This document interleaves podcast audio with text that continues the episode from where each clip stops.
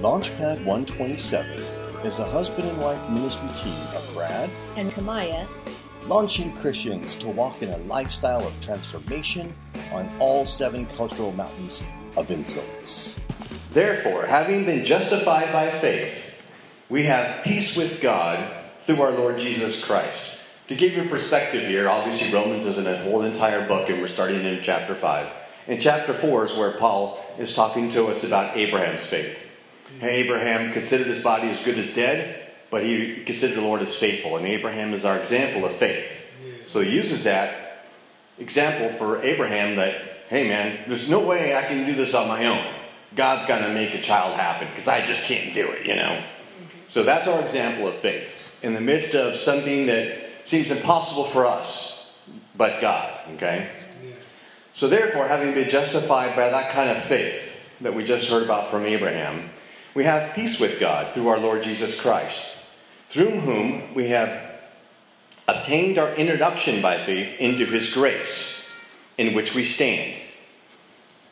And we exalt in hope of the glory of God. Now, I want to break that down a little bit. We exalt in hope of the glory of God. That word exalt there, I mean, it's not, we don't t- typically go, go around saying, you know, I really exalted today in this thing, you know, it was awesome. My team won and I exalted. But that word exalt literally means rejoice or boast. So it's in the grace in which we stand, we boast, we praise in hope. And that word hope in the Bible now is not I wish, it is it's anticipation with pleasure. It's expectation with an aspect of pleasure to it. So you're totally expecting something to happen. You're not wishing for it, you are completely exhilarated about the anticipation of it happening. That's the kind of hope it is. Of the glory of God. So this is strange if you look at this. Of the glory of God. So we're we, we are standing and we exult, we rejoice, we, we praise in this anticipation with expectation of the honor or praise of God. What? That's what it says. It says an expectation of the glory of God, but really that word glory means honor or praise of God. That is God's glory upon us and his praise in us. I mean, not, not necessarily us praising him, it talks about of the praise of God. Think about that. We have obtained our introduction by faith into this grace in which we stand, and we exalt in hope of the glory of God. We exalt in hope of the praise of God. What, isn't that a strange way to phrase that? Mm-hmm. So obviously, we're looking for God's glory upon us, but we're also, there's something about us that God wants us to be praised through Him. And um, he's going to bring praise through us. So, anyway, and not only this, but we also exalt, we boast, we boast um, in our tribulations. And tribulations is afflictions, persecutions, trouble. Knowing that tribulation brings about perseverance, and perseverance, proving character, and proving character, hope. And hope does not disappoint because the love of God has been poured out within our hearts through the Holy Spirit who was given to us. If you look at this closely, it's literally saying the way to get hope is to go through trouble. That's what it's saying. Not only this, but we also boast. We boast, we brag about tribulations because we know that that tribulation, that trouble, brings about perseverance.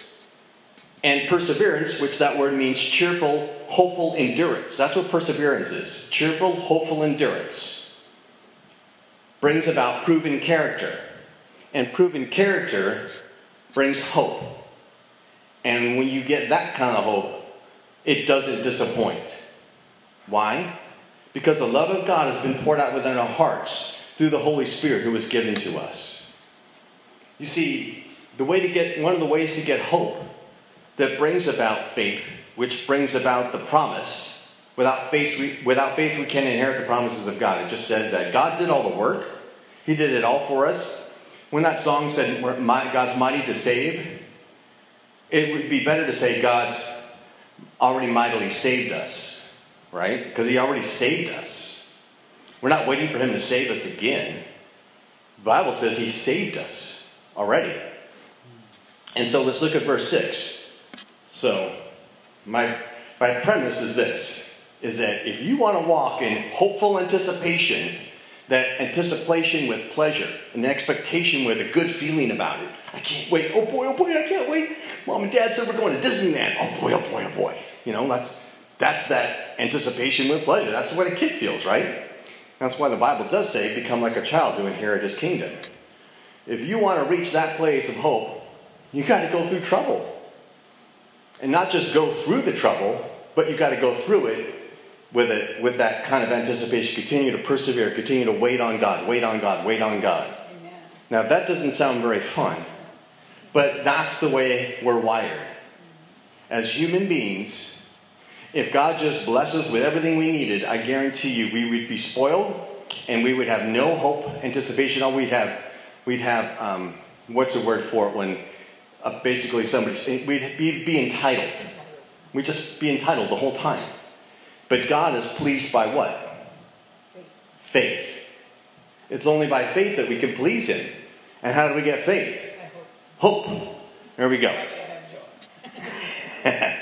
so while we were still helpless, so while we could do nothing, we can't do nothing of our own. While we were helpless, at the right time, Christ died for the ungodly. It says, One would hardly die for a righteous man, though perhaps for someone who's just good, a good man, someone would dare to die. But God demonstrated his love towards us that while we were yet sinners, Christ died for us. Isn't that good news? That God chose us while we were yet sinners. He didn't wait for us to do good things, He didn't wait for us to make all these right decisions, but He chose us in the midst of being sinners. Much more than because of that, because He chose us in our worst place while we were helpless and we could do nothing of our own. So, much more now, having been justified by his blood, we shall be saved from the wrath of God through him. For if while we were enemies, for if while we were enemies, we were reconciled to God through the death of his Son, much more, uh, much more having been reconciled, which means brought to, re- to um, bring one into favor. Reconcile means bring one into favor or make, make it good on our behalf like we owed a debt, and now that debt is, we're free from that debt. So, how much more now that we've been reconciled, we shall be saved by his life. And not only this, but we also exalt in God through our Lord Jesus Christ, through whom we have now received. We have now received the reconciliation. So we've got it now, okay? So now we're reconciled. That means that when we go through these troubles and these things, we know that God is going to help us. He's not going to leave us to hang. So, let's look again at another passage and then we're going to go into some more stuff. In James chapter 1, it basically says the same thing, starting in verse 2. Consider it all joy, oh goody goody, my brethren, when you encounter various trials, knowing that the testing of your faith produces endurance, and that endurance have its perfect result, so that you may be perfect and complete, lacking in nothing. See how James is saying the same thing in a different way? When you experience trials, consider it joy. Why? This is not fun at all. Because of the, what it produces in us. Amen. And see, the thing of it is, that it's so hard for us in the midst of these trials and tribulations when it's so hard and we're going, man, I'm doing everything I can. I don't know what else to do, but I'm just, I, all I can do is stand because I've done everything I can do now. So I'm just standing, and that's help, help, you know. And, but as we continue to stand and stand and stand, there's something that happens in us that God is producing that endurance in us, that faith in us. So when that promise, that breakthrough comes, we're ready to, we can handle it. We can handle the thing that God can bring to us. Otherwise, we could, we could be on the verge of that entitled kid feeling because God just gave it to us and we didn't deserve it. Are you going to give a 16 year old kid who just turned 16 is it wise to just give them a Ferrari as their first car? They have no experience driving a car ever. I mean, rich people might do that, but that's not wisdom. Not at all. Or worse yet, give them like a Formula One car. Here, just take, it's not even a street vehicle, but go ahead. It's the fastest thing out there on the road. Trouble. That's, that's waiting to happen. He hasn't proved himself faithful yet with the little things, right? So that's what God is doing in us. He's going, man, I just, I can't wait till they're ready because, oh boy, I got something so good for them. Because that's what God is. He's a good daddy.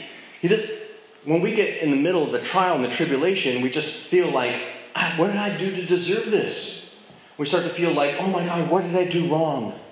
But there's nothing you could do wrong because God died for us while we were yet sinners, remember? And the Bible says He works all things together for good for those who love Him and are called according to His purpose.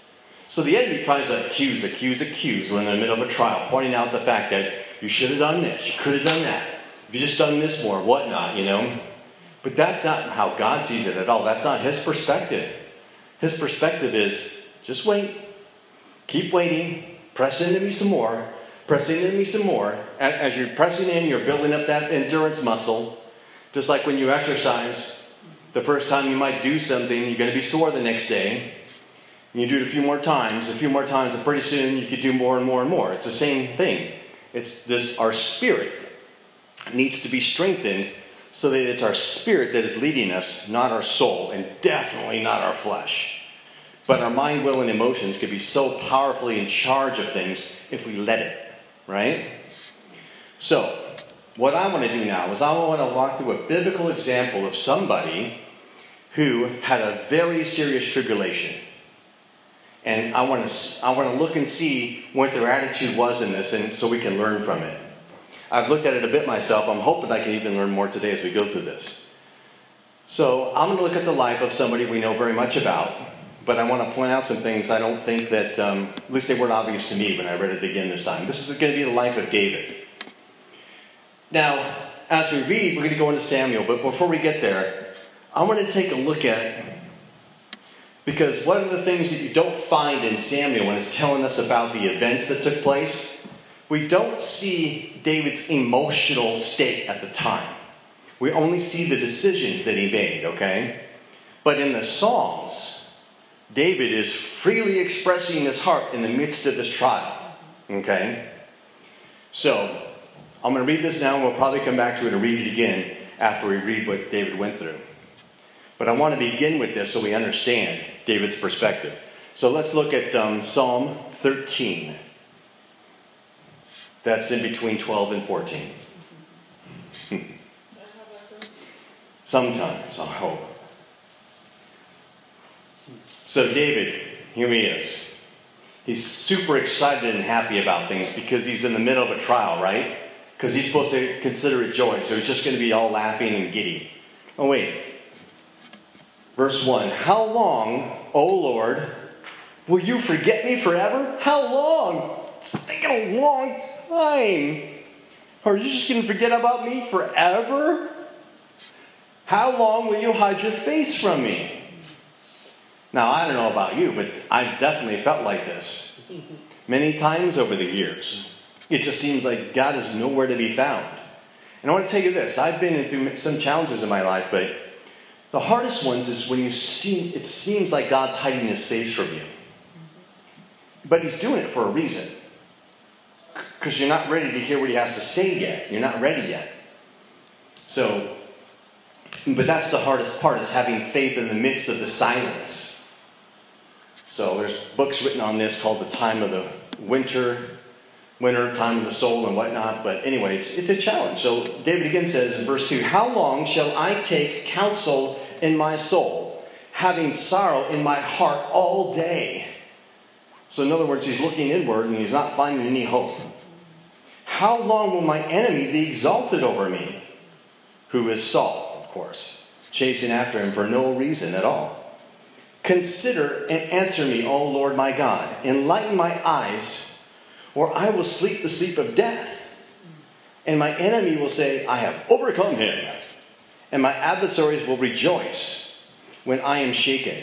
But I have trusted in your loving kindness.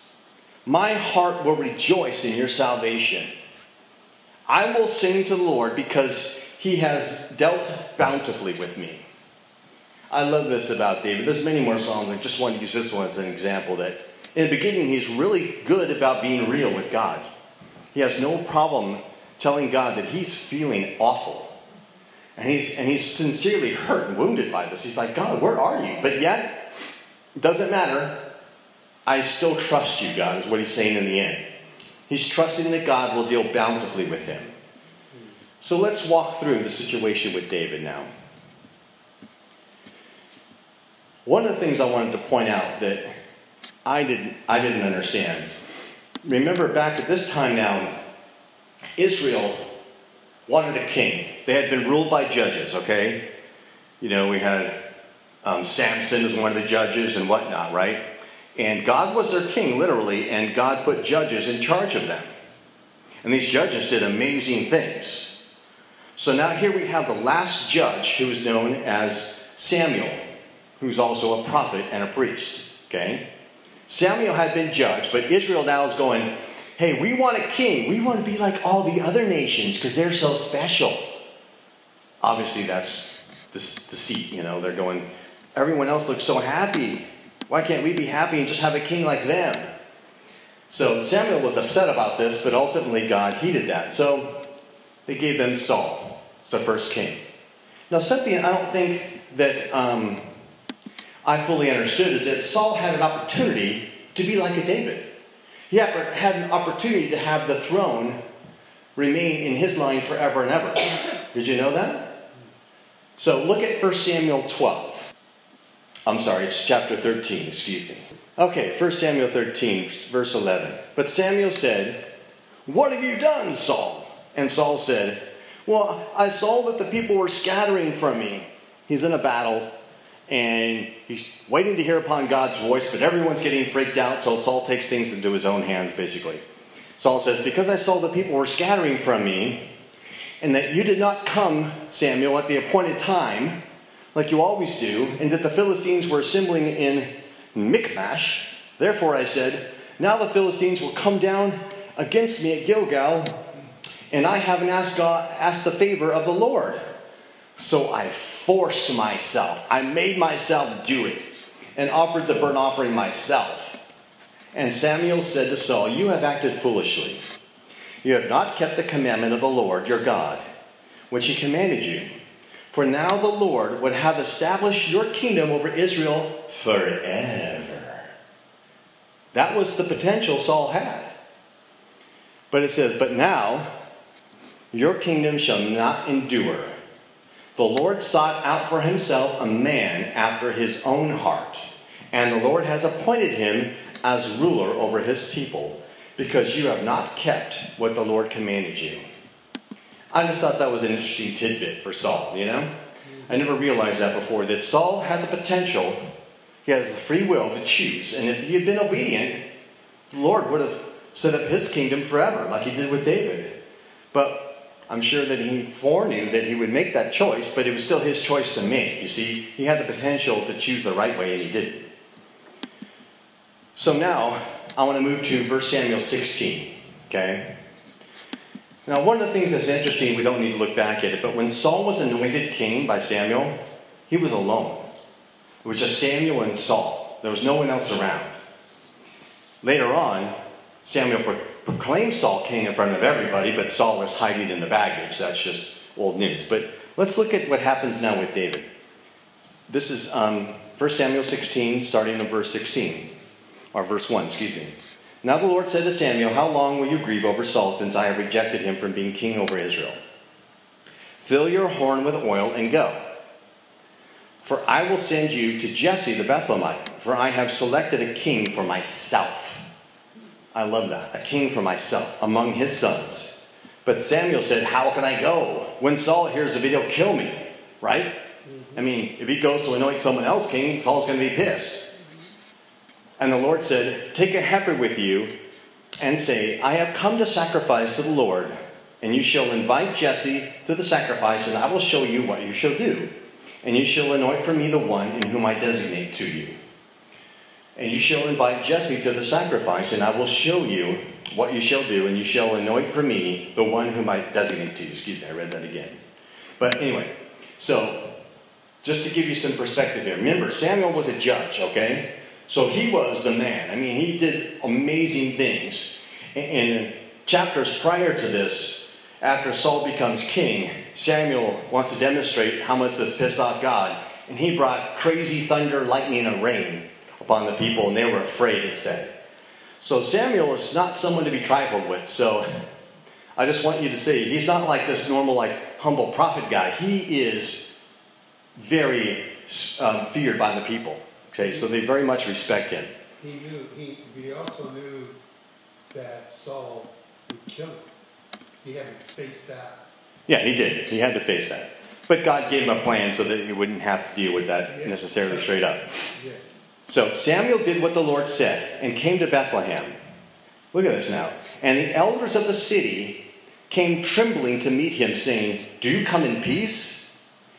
You see what I'm saying? I mean, Samuel was a big deal. Whenever, when he went somewhere, I mean, imagine one of the most famous people in the United States going somewhere, someone with power and authority, everyone's going to go meet him because it's like, oh my God, so it's okay, let's go. So that's what happened with Samuel, but they didn't know why he's coming. This is a bad thing. He's going to you know, rain down fire and brimstone on us, or what's going to happen? So the whole city came out to meet him. Mm-hmm. This not, you know, this says the elders, but when the elders went, everyone's following, okay? So I just want you to picture this now. Samuel comes to Bethlehem. Basically, the whole city gathers around going, What did you come here for? Mm-hmm. you come in peace?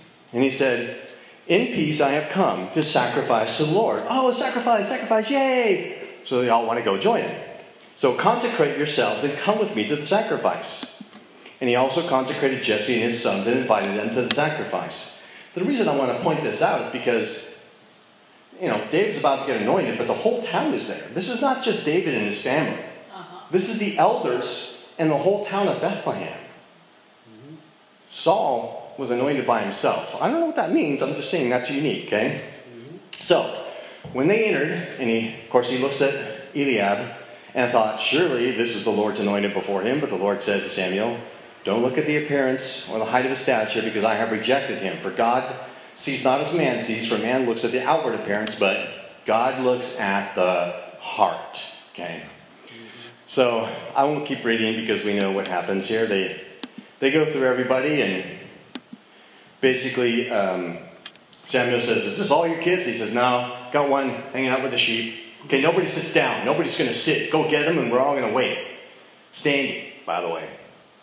So everyone is waiting. They're standing now. So everyone's going, what's going to happen, right? The whole town is standing up. so they bring David to the in front of the situation here, and it's everybody's around. It says, Now he was ruddy with beautiful eyes and a handsome appearance. And the Lord says, Arise, anoint him, for this is he. When it says arise, it doesn't mean get up because he was already sitting down. He was standing up, okay? It means do it. Go do that, okay? Go over there and do that. God was confused by that. I'm like, God, it says they weren't going to sit down, but then he says arise. The word just literally means go do it. Doesn't mean like necessarily get it from a seated position. Just pointing that out. That's how my mind works. I'm like, wait a minute. So they go anoint David in front of everybody here now. And the Spirit of the Lord came mightily upon David from that day forward. And then Saul goes to another place. So then we know what happens that the Spirit of the Lord departs from Saul. Okay? So here's the situation David gets anointed in front of everybody to be king. Does he get the crown right then and go bring him to the palace and put him in charge? We know that he doesn't, okay? But the one who is king, an evil spirit has come upon him. So now what do we do? We got to get somebody to help our king because there's an evil spirit sent from the Lord, apparently, it says, to uh, mess with him. So they said, oh, you know what? Let's bring this guy, uh, the son of Jesse, this guy David. Yeah, that's it. Um, then it lists the things that he has, why they should bring him, because he's a skillful musician. He's a mighty man of valor. Man, how do they know all these things? He's a warrior, it says, one prudent in speech, and a handsome man, and the Lord is with him. So imagine this now. They go and to bring David to Saul's thing. And most people know that David was anointed to be king. Can you imagine David's what's going through David's mind? Oh, gee whiz, you know, I'm anointed to be king, and everyone, uh, most of the people in Bethlehem know it. And his dad's probably going, "Oh man, I don't know about this, David. this could be a trick or whatnot. But David just goes, and what's David do? He's, he's, he's faithful to do what's asked of him. He plays the music, the thing subsides, right? He's faithful with the gift that he has. He doesn't go in there and say, hey, by the way, I'm the man now. Everyone knows they were there. The Whole city was there. They saw me anointed. Okay? Saul, you've obviously got an evil spirit. You're out, buddy. You're out. David doesn't do anything like that. He doesn't take matters into his own hands. That's my point. So the next situation I want to look at is in 1 Samuel 17, the famous story of David and Goliath. Remember, we're looking at David in the midst of a trial. His trial began once he got anointed to be king. He got anointed to be king, but he's not king yet. You see the trial that he's in? God called him to be in this one high place, but he's not there. He's in an in between place now. So, 1 Samuel 17, verse 45. Um, it says, um, you know, Goliath yells at David, bunch of stuff, mocking him, blah, blah, blah. Why do you come at me with sticks and blah, blah, blah? I'm going to do this bad things to you. And so, remember, Goliath says, I will do these bad things to you. And then David says, Hey, Goliath, you come at me with a sword and a spear and a javelin, but I come to you in the name of the Lord of hosts, the God of the armies of Israel. When you, whom you have taunted, by the way, you've taunted, you've taunted God's army. Big mistake. This day the Lord will deliver you into my hands. He says the Lord. See, this is where I'm getting at now. He's in a trial. I mean, this is a serious trial. He's fighting this giant guy. And what does he say? You know, the Lord will deliver you. He's, he's, he's trusting God to do the thing, not himself. And he proclaims that. The Lord will give you into my hands, and then I'll strike you down and remove your head. After the Lord gets into his hands, David will take his head off, and you know what happens from there. And then David goes on to say in verse 47 and that all this assembly may know that the Lord does not deliver by sword or by spear, for the battle is the Lord, and he will give you into our hands again. So, this is David's attitude when he's in the midst of this trial. He's got the trial of he's not he's king, but he's not, and he's fighting this giant. And he trusts God, and we know what happens. David wins. Now, ultimately, I don't want to go through all the middle of the story here a second, but we know that David becomes this captain of the army now, and, and he goes out and he wins all these battles. And then he decides that he wants Micah, Michael, um, the king's daughter, and the king says, Well, now the king's starting to get jealous of him. He says, Well, bring me a hundred foreskins of the Philistines, you know, and uh, yeah, I'll let you have my daughter. Going, he's going to die. There's no way he's going to get a hundred foreskins. And of course, David brings double for his trouble back to the king. He, bring, he, he kills 200 of them, okay? That's just a little side story. So, David is faithful beyond faithful, okay? He's doing everything that's required of him now. Everything that's asked of him. He's being super humble. He's not trying to be king. He's serving the king with a great heart the whole time. He's serving the very one that he's called to walk in. He's serving the king, and he's called to be king. Can you imagine the humiliation and the awkwardness of that? I don't, I don't know. That would be extremely challenging. He knows, David knows, and a lot of people know that he was anointed to be king. And yet, here he is serving the king. He's serving the one he's called to be. It's like, what? How? But he's faithful in doing it. You don't hear him complain about that part of it, not even in the Psalms. It's not until we see Saul go after him, and David does the only thing he can do He's still trusting in God, but he has to. This is my other point. When you're in the midst of a trial and tribulation, sometimes we still have to act on our own. We got to do whatever we can do and be responsible with. So David, you know, it would be suicide for him just just stay at home or whatnot. He had to go hide in a cave for his life. So we know that David hides in the cave, and ultimately his brothers go with him. It says his mom and dad go somewhere else. His brothers go with him, and a bunch of other people that were in distress, and. Um, and everyone who had debt. So these are people that are either you know broke the law, or they owe people money, or that word also in distress means that they've been cheated. A lot of these people had been cheated by Saul's government or the, or the government or, or the people, whatnot. They all went to hide with David because they're like, Saul, he's after our money too because we owe debt, or he's cheated us, you know, and Saul's out to get us. So these people are hiding with him. I thought it's interesting that David's brothers are now with him too. The ones that were making fun of him and getting mad at him, now they're serving him as a, and he's the captain of his older brothers. That's pretty cool. So, um, the next thing I want to step to now is that um, in 1 Samuel 24, here's one of the one of the tests that comes before David in the midst of this trial. Okay, the trial is David's supposed to be king. Saul is still king, and Saul's messing up big time as king. And Saul's after David to kill David. So we know that Saul goes into the cave where David's hiding in 1 Samuel 24.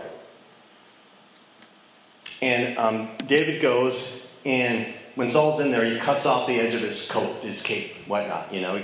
He, cuts it, and he takes it, and his men are telling him, hey, man, you got him. He's here. The Lord has certainly given it into your hands. And David's like, No, no, I can't touch him. No, it's bad for me. And he even feels guilty about even cutting off his robe. So, let me find out where I am now. So, in verse 12, 1 Samuel 24, it says, May the Lord, this is afterwards, okay? David's speaking to Saul. He says, May the Lord judge between you and me. May the Lord avenge me on you. See how David's phrasing these things? May the Lord judge between me, me and you. May the Lord avenge me. But my hand shall not be against you. David's saying, I'm not going to do nothing to try to take matters into my own hands. I, yes, God anointed him to be king, but God anointed David to be king. God did. So if God anointed him to be king, then it's on God to make him king, right? And David's sticking with that. No matter how obvious it might seem to some to take it matters into his own hands, he doesn't do it. And then he says in verse 14, After whom has the king of Israel come out? Whom are you pursuing? A dead dog, a single flea? The Lord therefore judge and decide between you and me. And may he see and plead my cause and deliver me from your hand. Again, he's, he's saying God's going to plead my cause. May, may God do this. May God do that. And then David does a lot of other things during this time he's in the cave. He basically goes about like rescuing people who have been pummeled by Philistines, and um, the story about Nabal and uh, his wife Abigail. Nabal has all these shepherds out in the wilderness area where David is, and his men basically protect him, make sure that nothing happens to this guy's shepherds and none of his sheep get taken by wild animals or anything he's basically covering for this guy. And then he goes, Hey, by the way, Nabal, can I have some stuff? I've been protecting all your guys, making sure none of your herd gets hurt or anything like this. And Nabal basically says, Screw you, David. And that pisses David off, so David's going to go kill him.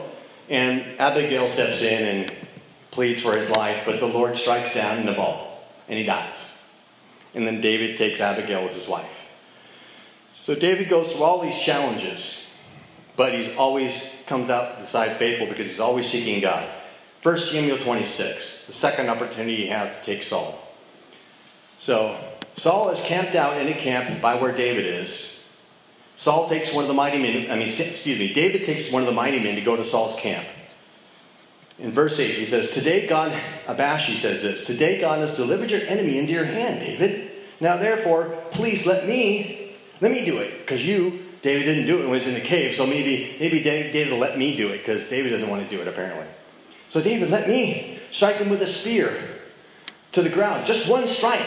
I want, I want to have to do it a second time, basically, he's saying. I'll just take him out with one good strike. But David said to Abishai, Do not destroy him, for who can stretch out his hand against the Lord's anointed and be without guilt? David also said, As the Lord lives, surely the Lord will strike him or his day will come that he dies, or he will go down into battle and perish. See what David's doing again? He has the opportunity to take out Saul. He doesn't do it. But he, he makes a declaration that the, this is God's job to take care of this. God's the one who anointed me to be king. God's got to take care of the situation. God will get me out of it. And what's funny is, giving the story away, but we know that Saul dies in battles, just like David prophesies. Isn't that interesting? Verse 11 The Lord forbid that I should stretch out a hand against the Lord's anointed. But now please take your spear that is in his hand, and they take the water and they take the spear by Saul, and we find out that there was a deep sleep put upon all these guys so they won't wake up. God put a deep sleep on them. It's like a test. God saying, they're not going to wake up. You could take it out, David. Take him out. You could take him out if you want to, but David is refusing to do that. He's trusting God. So, in verse 13, um, David crossed over to the other side the next morning on top of the mountain at a distance with a large area between him and Saul. David called out to the people and, and to Abner, who was a mighty man, guy, main guy protecting Saul, saying, Will you not answer Abner? So Answer replied, Abner replied, Hey, who calls to the king? So David said to Abner, Are you not a man and who is like you in all Israel? Because he knows Abner's a mighty man. Why then have you not guarded your lord the king? For one of the people came to destroy the king, your lord. This thing that you've done is not good. As the Lord lives, you must surely die, because you did not guard your Lord, the Lord's anointed. David's basically saying, dude, you guys are in big trouble. You didn't guard your king. You didn't guard him at all. There's no point to that in terms of my message. I just find that interesting. Saul recognized David's voice in verse 17. Is this your voice, my son David?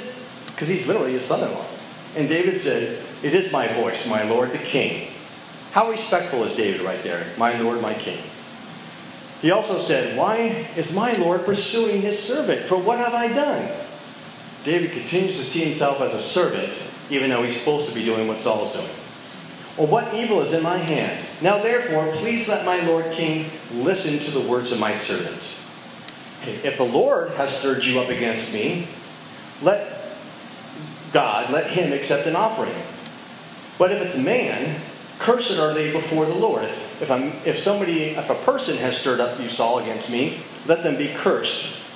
Because you've driven me out today so that I would not have, I would have no attachment with the inheritance of the Lord, saying, Go serve other gods. Now then, do not let my blood fall on the ground away from the presence of the Lord. For the king of Israel has come out to search for a single flea, just as one hunts for a partridge in the mountains. Then Saul said, I have sinned. Return, my son David. For I will not harm you again, because my life was precious in your sight this day. Behold, I have played the fool and have committed a serious error. Saul's repentant here. And David replied, Behold the spear of the king. He shows him the spear he took and the jug of water. Now let one of your young men come over and take it. Smart. You know, David's still, he's very shrewd when it comes to war. He's like, send one of the little guys over here to come get this stuff. I won't trust one of the other guys. And I'll give it to him. And um, he says, The Lord will repay each man for his, uh, for his righteousness and his faithfulness. For the Lord delivered you into my hand today. See, he understood that God did that. David understood that God gave him that situation and that he could have been in David's, he was literally at David's mercy because the Lord put him in that situation. But David says, But I refuse to stretch out my hand against the Lord's anointed. And this is the part I want you to really hear. Now behold, as your life was highly valued in my sight this day, so may my life be highly valued, not in your sight, Saul, but in the sight of the Lord. See how again he's honoring God first? May my life be honored in the sight of the Lord, and may He, the Lord, deliver me from this distress. So again, David's making a steadfast declaration that may the Lord be the one to deliver me from this trial, this tribulation. So after that, David goes and lives with the Philistines. A bunch of other stuff happens, and then what ends up happening is David um, is told that Saul and Jonathan die in battle. So that's David's one of David's trials that he goes through. And you saw his heart the whole time.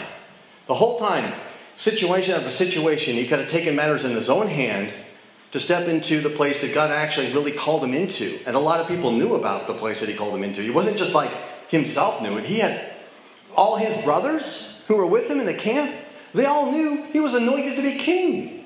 And they're out hiding with him. They all knew that. Can you imagine the pressure in the cave? All his brothers going, David, take him out, man. Come on. You're the one, you're supposed to be king. I mean, my goodness. I, I don't know if I would be able to pass that kind of test. It's so easy to rationalize, like, yes, the Lord gave him right here.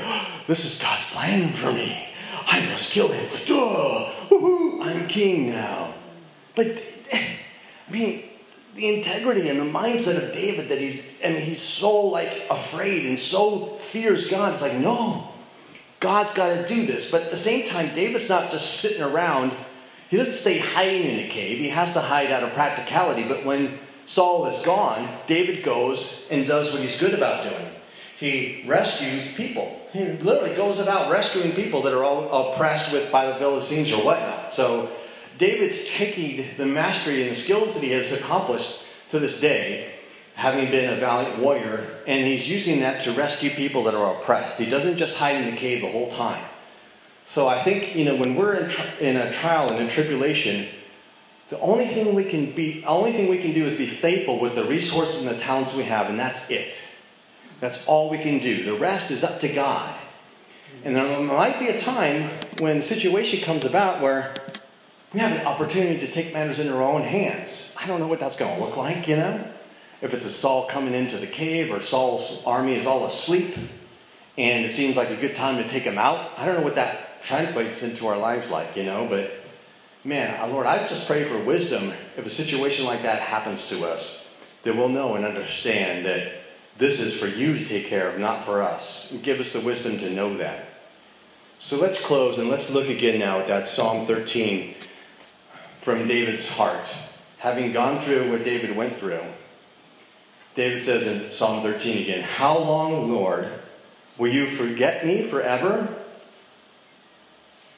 How long will you hide your face from me? How long shall I take counsel in my soul? Because I'm not, he's not getting counsel from anywhere else. Having sorrow in my heart all the day. So having sorrow in my heart all the day. This was not a fun time for David when he's hiding and going about. He's doing exploits, but he's still, there's a sorrow in him because he knows the Lord anointed him to be king. He's not there yet, and he's waiting. He's like, God, when's the time? When's the time? You showed me this great thing. When's the time? So, it's, this is a serious challenge for David. How long will my enemy be exalted over me? Saul, who's totally unfaithful, is still being king and he's still doing stuff. And not only is he doing stuff, but he's trying to kill David, you know? And, and David's only done right by Saul. He's only served him, played music, and all these things. So consider and answer me, O Lord my God. Enlighten my eyes, or I will sleep the sleep of death. Like, enlighten my eyes. Just, just give me hope. Let me see you. Where are you? And my enemy will say, I have overcome him, and my adversaries will rejoice when I am shaken. But I have trusted in your loving kindness, David says.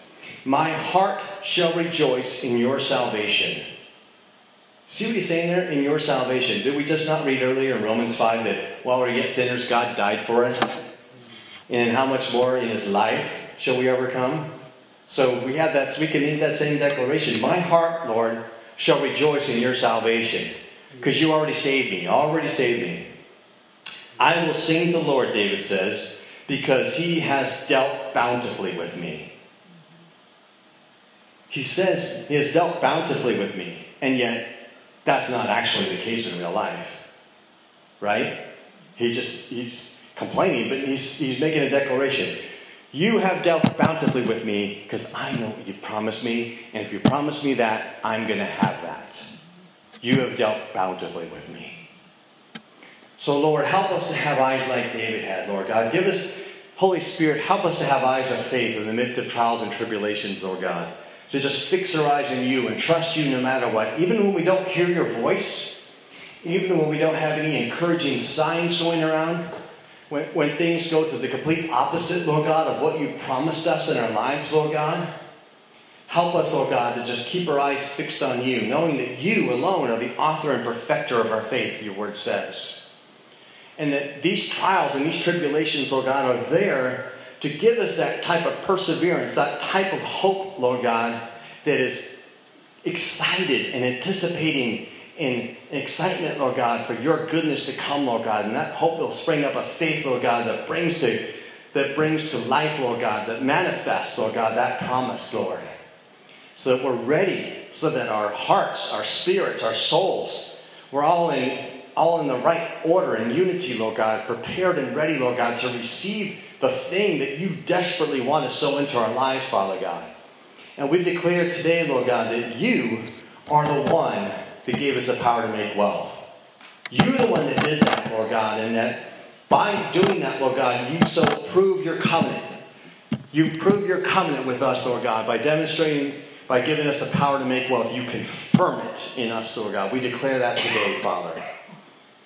So we just plead the blood of Jesus over the words that were spoken today, Father God, that they would, your word alone would take root in us, Lord God. We ask that now in the name of Jesus Christ. Amen.